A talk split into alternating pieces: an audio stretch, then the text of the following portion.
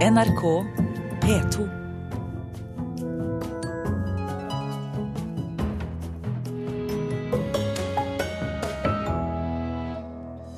Svakt besøk på norske filmer i år. Bare jul i Flåklypa kan redde besøkstallene. Nordmenn bør bruke like mye penger på kunst som på møbler, mener kunstner som åpner Kunsthall Stavanger. Og Øyvind Rimbereid skriver storslått og vakkert om orgelmusikk og verdenshistorien. Med diktene sine har han skapt et vannskille i norsk lyrikk, sier vår anmelder. Her i Kulturnytt i NRKs Nyhetsmorgen med Ugo Fermariello i studio den neste halvtimen.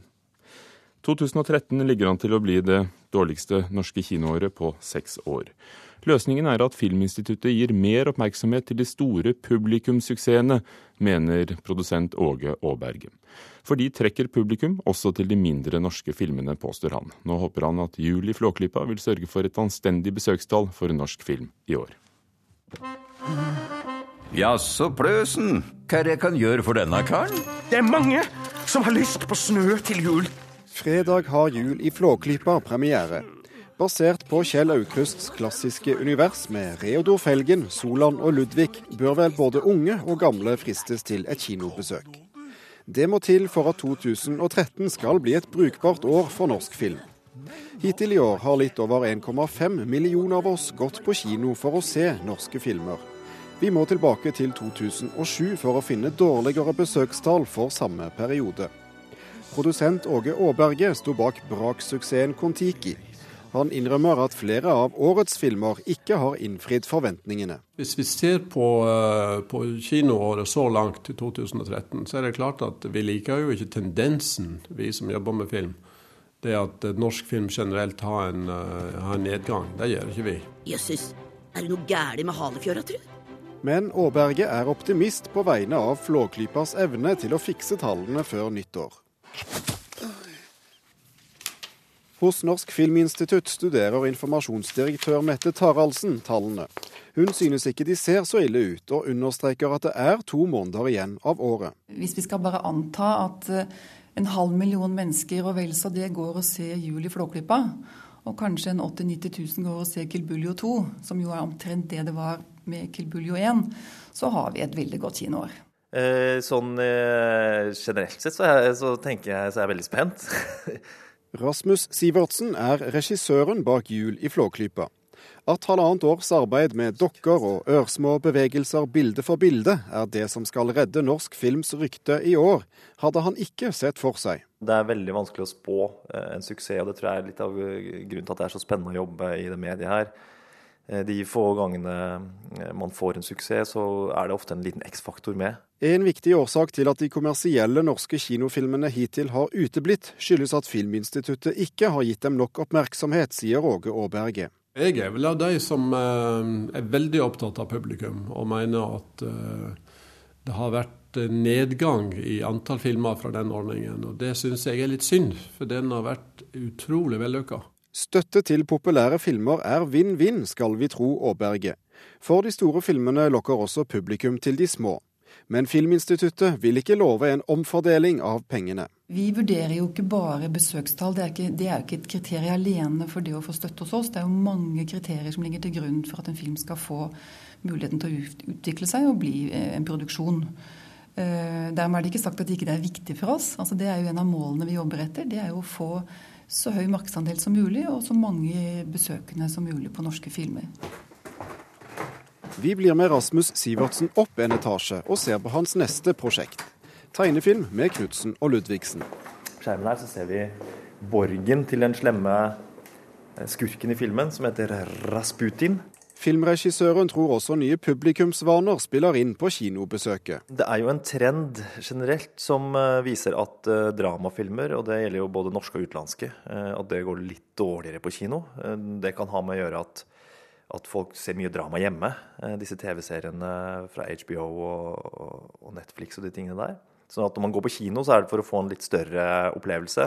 Og nå krysser Sivertsen fingrene for at han har greid nettopp det skape den store opplevelsen med jul i Flåklypa. Er det ellers noe vi har glemt?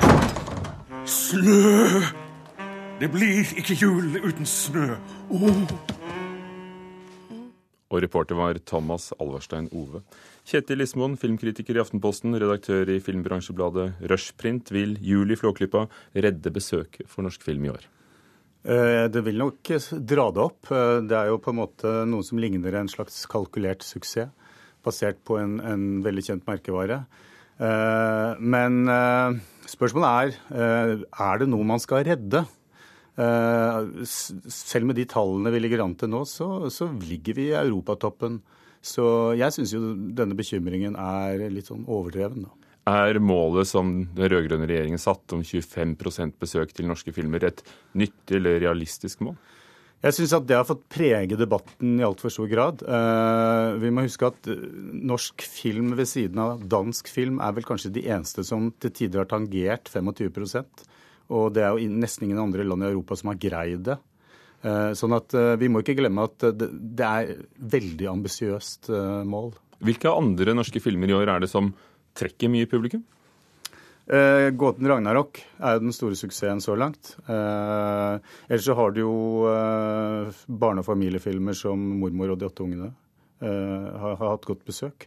Eh, men så kan man jo stille spørsmål ved om det å lansere tre barne- og, og familiefilmer i, i, september, altså ved høsten, eh, var klokt. Altså, jeg tror de har slått hverandre litt i hjel. Altså, 'Mormor og de åtte ungene', Albert Aaberg og, og de tøffeste gutta. Hva bør norsk filmbransje gjøre annerledes da, for å nå ut til flere folk, som den tydeligvis har klart i de seks foregående årene, hvor det har vært flere folk? La meg spissformulere. Jeg vet ikke om norsk film skal nå ut til flere folk. Ja. Eller, eller, må den det? Altså, Man har en fin miks av det brede og det smale. Altså, det, er jo, det er ikke til å legge skjul på at de, altså, de brede familie- og barnefilmene er de som på en måte er en garantist for at man kan lage litt smalere ting også. Det vi kanskje mangler, er kvalitetsfilmer for voksne. Eh, altså, det har jo danskene fått til veldig bra. At de lager filmer som ses av et bredt lag av den voksne befolkningen. Altså, den filmen som vant den nordiske filmprisen og 'Jakten', er et godt eksempel på det. Hva synes du om påstanden at blockbustere også trekker publikum til smalere filmer? som vi hørte Jeg er litt usikker på det, den der. Altså, det at man går og ser en Det at man går og ser Kon-Tiki behøver jo ikke bety at man går og ser en langt smalere film som er litt mer eksperimentell. Altså, Jeg tror ikke det er sånn det norske kinopublikummet tenker. Men jeg, men jeg, er for så vidt enig i at hvis man ser en norsk film man syns er veldig bra, så, så, så åpner kanskje for en større toleranse overfor å se flere norske filmer. Er det filmene, publikum eller markedsføringen av filmene som kunne vært annerledes hvis, hvis, man skulle få så mange som mulig, da? For det er vel et mål? I Hollywood så sier man jo at 'nobody knows anything' om det å lage en suksess på kino. Og jeg tror at det er ganske komplisert, eh, og, og flaks spiller inn også. Eh, så Det går ikke an å si noe enkelt om det, men det en, en altså, alt spiller inn. Og noen ganger så spiller også kvaliteten inn, heldigvis. Kjetil Ismoen, som visste noe, i hvert fall. Takk skal du ha, kritiker i Aftenposten og redaktør av Rushprint.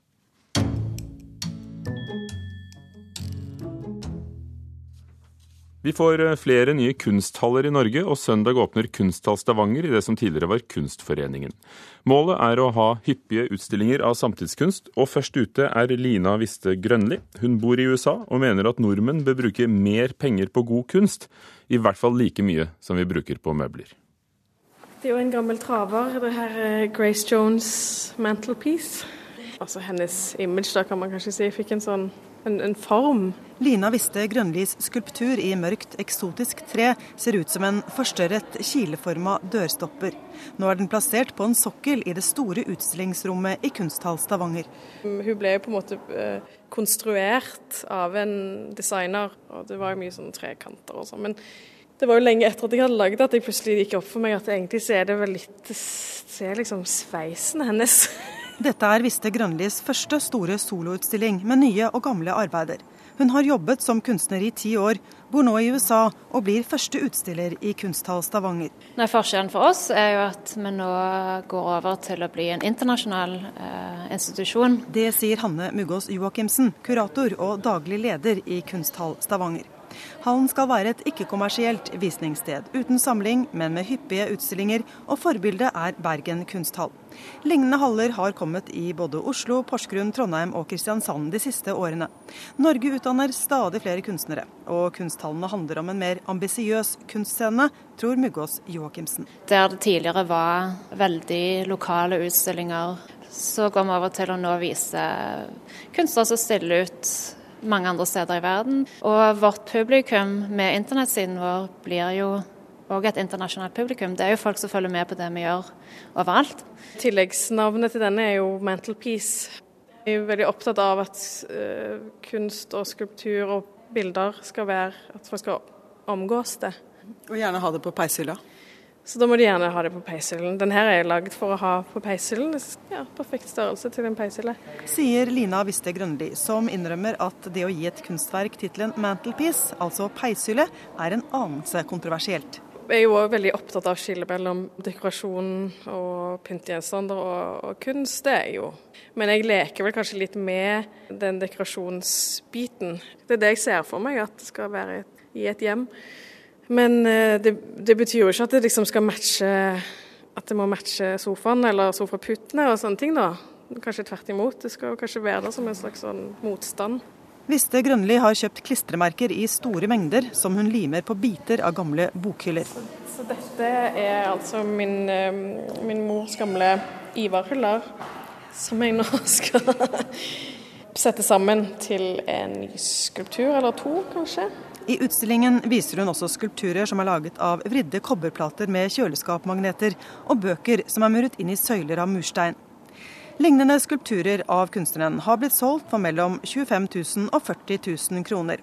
Selv mener Visse Grønli at flere av oss vanlige nordmenn, ikke bare samlere og museer, må være villige til å betale mer for god samtidskunst. For mange nordmenn så tror jeg det er litt sjokkerende prisene, bare fordi at man ikke er vant til å betale for kunst, rett og slett.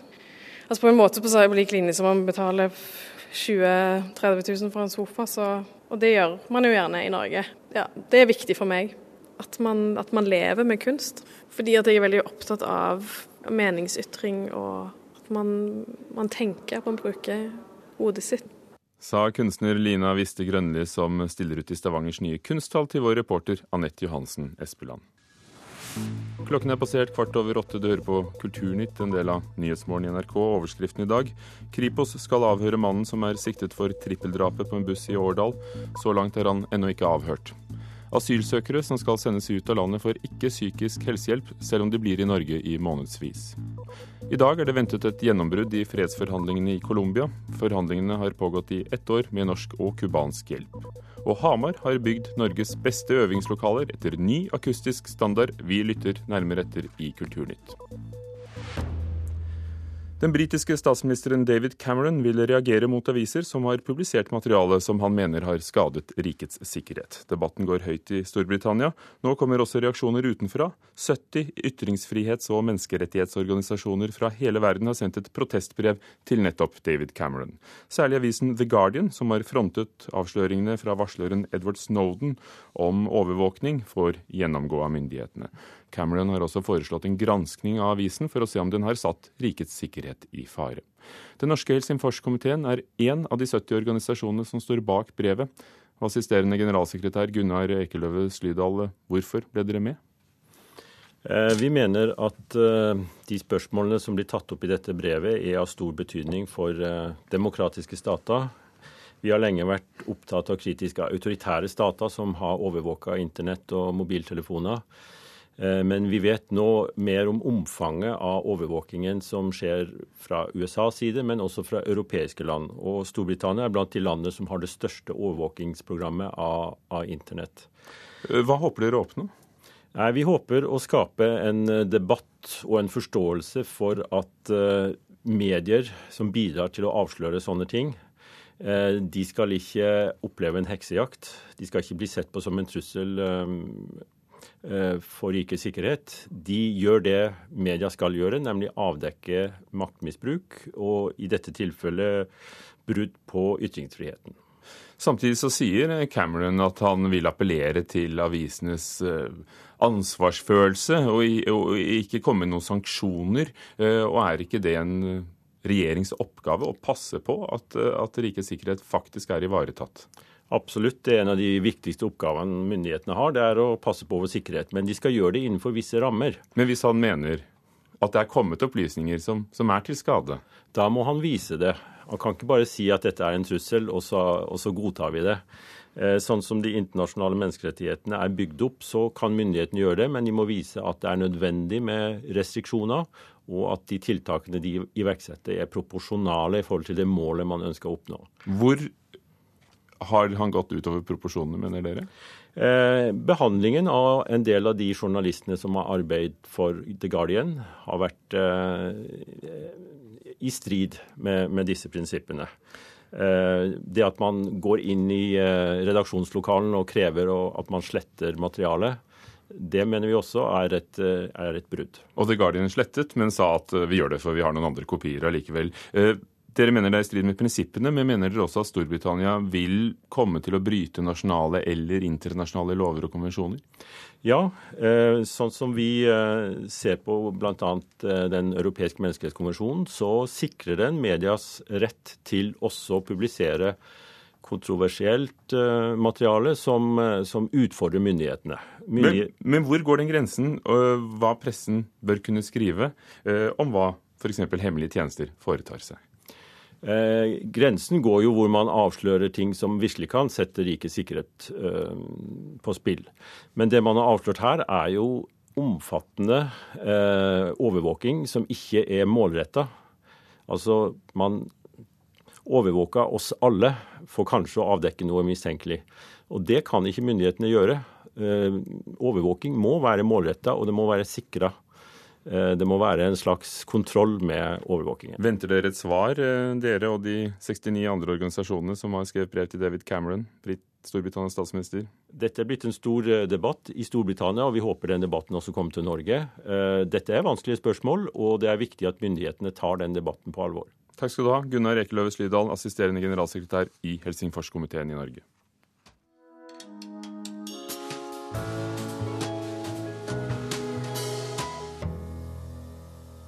Forfatter Øyvind Rimbereid har med sine dikt blitt nominert til Nordisk råds pris flere ganger, og nå er han ute med en ny samling, 'Orgelsjøen'. Marit Grøtta, litteraturkritiker her i P2, du har lest den. Hvordan spiller han på orgelmotivet, Øyvind Rimbereid? Orgelet er jo det store motivet her. Og noen av diktene er også skrevet i anledning innvielsen av det nye orgelet i Stavanger konserthus. Og han beskriver orgelet veldig konkret. Han beskriver belgen som pumper luft inn i instrumentet. Han beskriver pipene. Og han eh, gir oss et stykke kulturhistorie når han beskriver eh, orgelbyggeren Glåger og hans pengesorger på 1700-tallet. Øyvind Rimbereid, kan du si to ord om hva han har skrevet og hvem han er blitt? Uh, han har skrevet noen flotte diktsamlinger tidligere, og han er veldig anerkjent. Uh, den diktsamlingen som heter 'Solaris korrigert', som kom i 2004, den er et slags vannskille i norsk litteraturhistorie. Og de to forrige diktsamlingene, som heter 'Jimmen' og uh, 'Herbarium', ble begge nominert til Nordisk råds litteraturpris. Og det sier litt om kvaliteten. Dette er veldig strålende dikt. Strålende dikt, ja. Og det handler om orgelet som et motiv, men ikke minst om mennesket. Ja. Eh, han bruker jo orgelet som metafor. Ikke bare en konkret beskrivelse. Det er jo en storslått teknologi som en slags supermaskin som virker inn på sjelen til mennesket og fyller oss med en sånn tilstand av ydmykhet. Og han lager en kobling til den perfekte staten, en kobling mellom dette perfekte instrumentet og den perfekte staten, som filosofen Hegel eh, drømte om. Og med ett så er det den tyske idealismen som klinger i orgelet. Og han gjør sånne koblinger mellom eh, konkrete sanselige fenomener som orgelet og politiske og kunsthistoriske dimensjoner. Og det er noe av kvaliteten hans, at han er så god til å tenke i bilder. Ta utgangspunkt i noe konkret og sanselig, og så slå opp store historiske og filosofiske perspektiver. Så, så det blir ikke knusktørt, selv om det handler om tanker? Overhodet ikke knusktørt. Det er veldig sanselig. Og orgelet altså orgelet er jo det hovedmotivet, men han beveger seg også inn i moderne tid. Beskriver f.eks. hva som skjer når telefonen oppfinnes og forbinder mennesker over hele kloden. Da får vi et fantastisk bilde av en hånd som løfter telefonrøret, og hører at det er en ny konsert som spiller over hele kloden. Over hele verden har en ny konsert allerede begynt. Ja. Hva betyr grafikken, altså uttrykket av ordene på sidene når du leser eh, Øyvind Rimbreids bok?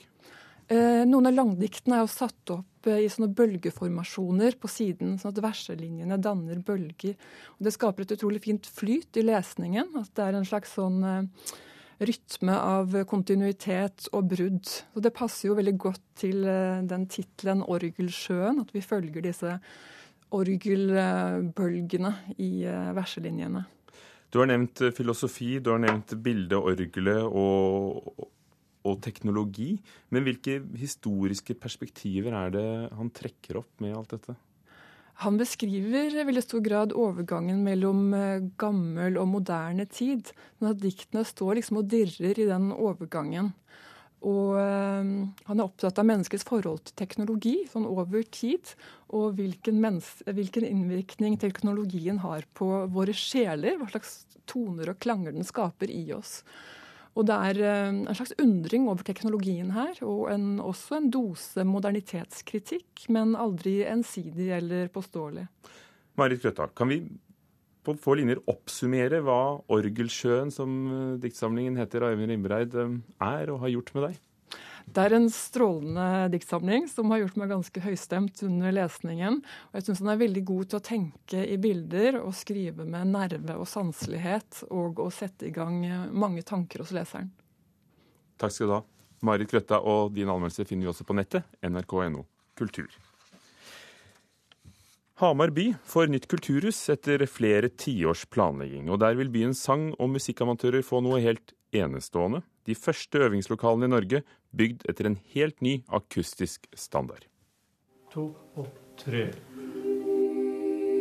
Vi er på korøvelse med Damenes aften i Hamar. To og tre. Som så mange andre her i landet øver de i et klasserom, ikke helt tilpassa sang og musikk. Men over nyttår skal de inn i korrommet på det nye kulturhuset. Vi gleder oss veldig til det. Og det har grunn til å glede seg, mener seniorakustiker Christian E. Meisingseth. Jeg tror, tror, det kan bli i absolutt det beste, ja. I Norge? I Norge, ja. Absolutt. Det skal bli godt å, å få litt klang, så vi kan eh, hente inn andre stemmer fra rommet. For det er jo det god akustikk gjør. Vi er veldig spent på åssen det vil bli der, da. Toril Nybrott og Tittin Wold har ikke sett lokalene ennå, men vi fikk være med på en omvisning i Kulturhuset. Det rommet her skal brukes mye for ungdom, rockemusikk og sånne mindre konserter. Hamar er i forkant av en nylig utarbeida norsk standard for akustikk i øvingslokaler. Det er jo fantastisk fint, altså. Den er ennå ikke vedtatt, men er i disse dager ute på høring. Målet med den er å sikre alle som spiller, synger, danser eller driver med teater, lokaler med tilrettelagt akustikk. Det er jo ikke vanlig i det hele tatt i Norge at vi har det. da. I Oslo og Akershus så er det kun mellom 10 og 15 av musikklokalene, det være seg øvelse eller fremføring, som fungerer som det skal. Ja, og det hadde jo vært trist å åpne et hus som eh, ikke hadde holdt standarden. Sier daglig leder i Hedmark og Oppland musikkråd, Trond Eklund Johansen. Det er sang- og musikkliv i byen som har kjempa fram god øvingsplass i Kulturhuset, med en prislapp på 700 millioner kroner. Huset får bare én stor framføringssal. At akustikken ble tatt vare på, har musikkrådene gått i bresjen for. Og vi har vært med i prosjekteringa helt fram til og med forprosjektet, og levert romprogrampremisser og sånne ting. Så på den måten har vi greid å definere hvilken type akustikk som skal være i de forskjellige rommene. Hvis vi går inn her, så er det korsalen vi kommer inn i. Så skal det være akustisk tilpassa korsang. I dette rommet skal Damenes aften og flere kor i byen øve fra nyttår. Ukentlig vil 2000 mennesker i alle aldre øve i rom tilpasset sin bruk. Dette er korpsøvingssal. Ja, så her er det jo fullboka allerede. Ja, ja, ja. ja, ja, ja. Er, altså, her er det jo mandag, tirsdag, onsdag, torsdag. Blir det dyrt for amatørene å leie her, da? For øving så er prisen satt for de store salene til 50 kroner timen. Og det er eh, overkommelig. Og jeg kjenner at gulvet svikter. Seniorakustikeren som har vært med på å utarbeide de nye standardene, liker det han ser på omvisningen. Hvis du ikke er religiøs fra før, så må du kunne bli det av å komme hit. Men vil en 10-11-åring i et korps f.eks. merke så mye forskjell med et egnet lokale? Ja, det vil han gjøre. Det tror jeg. Han får en opplevelse som ja, Han blir veldig overrasket. For han opplever instrumentet på en ny måte, rett og slett.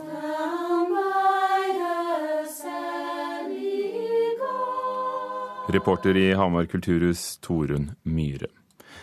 Vi tar med at amerikanerne har kjøpt sakte-TV-formatet av NRK. Sist det var på luften var det som nasjonal strikkekveld sist fredag. Avtalen mellom det amerikanske TV-selskapet LMNO Productions og NRK er det første konkrete salget av denne typen TV.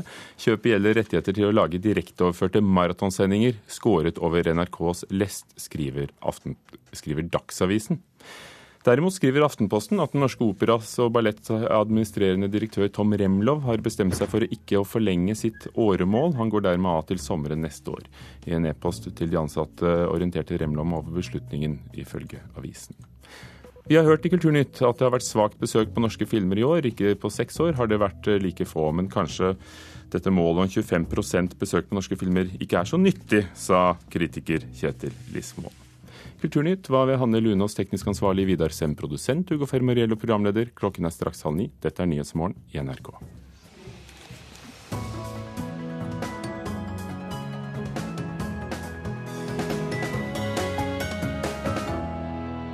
Hør flere podkaster på nrk.no podkast.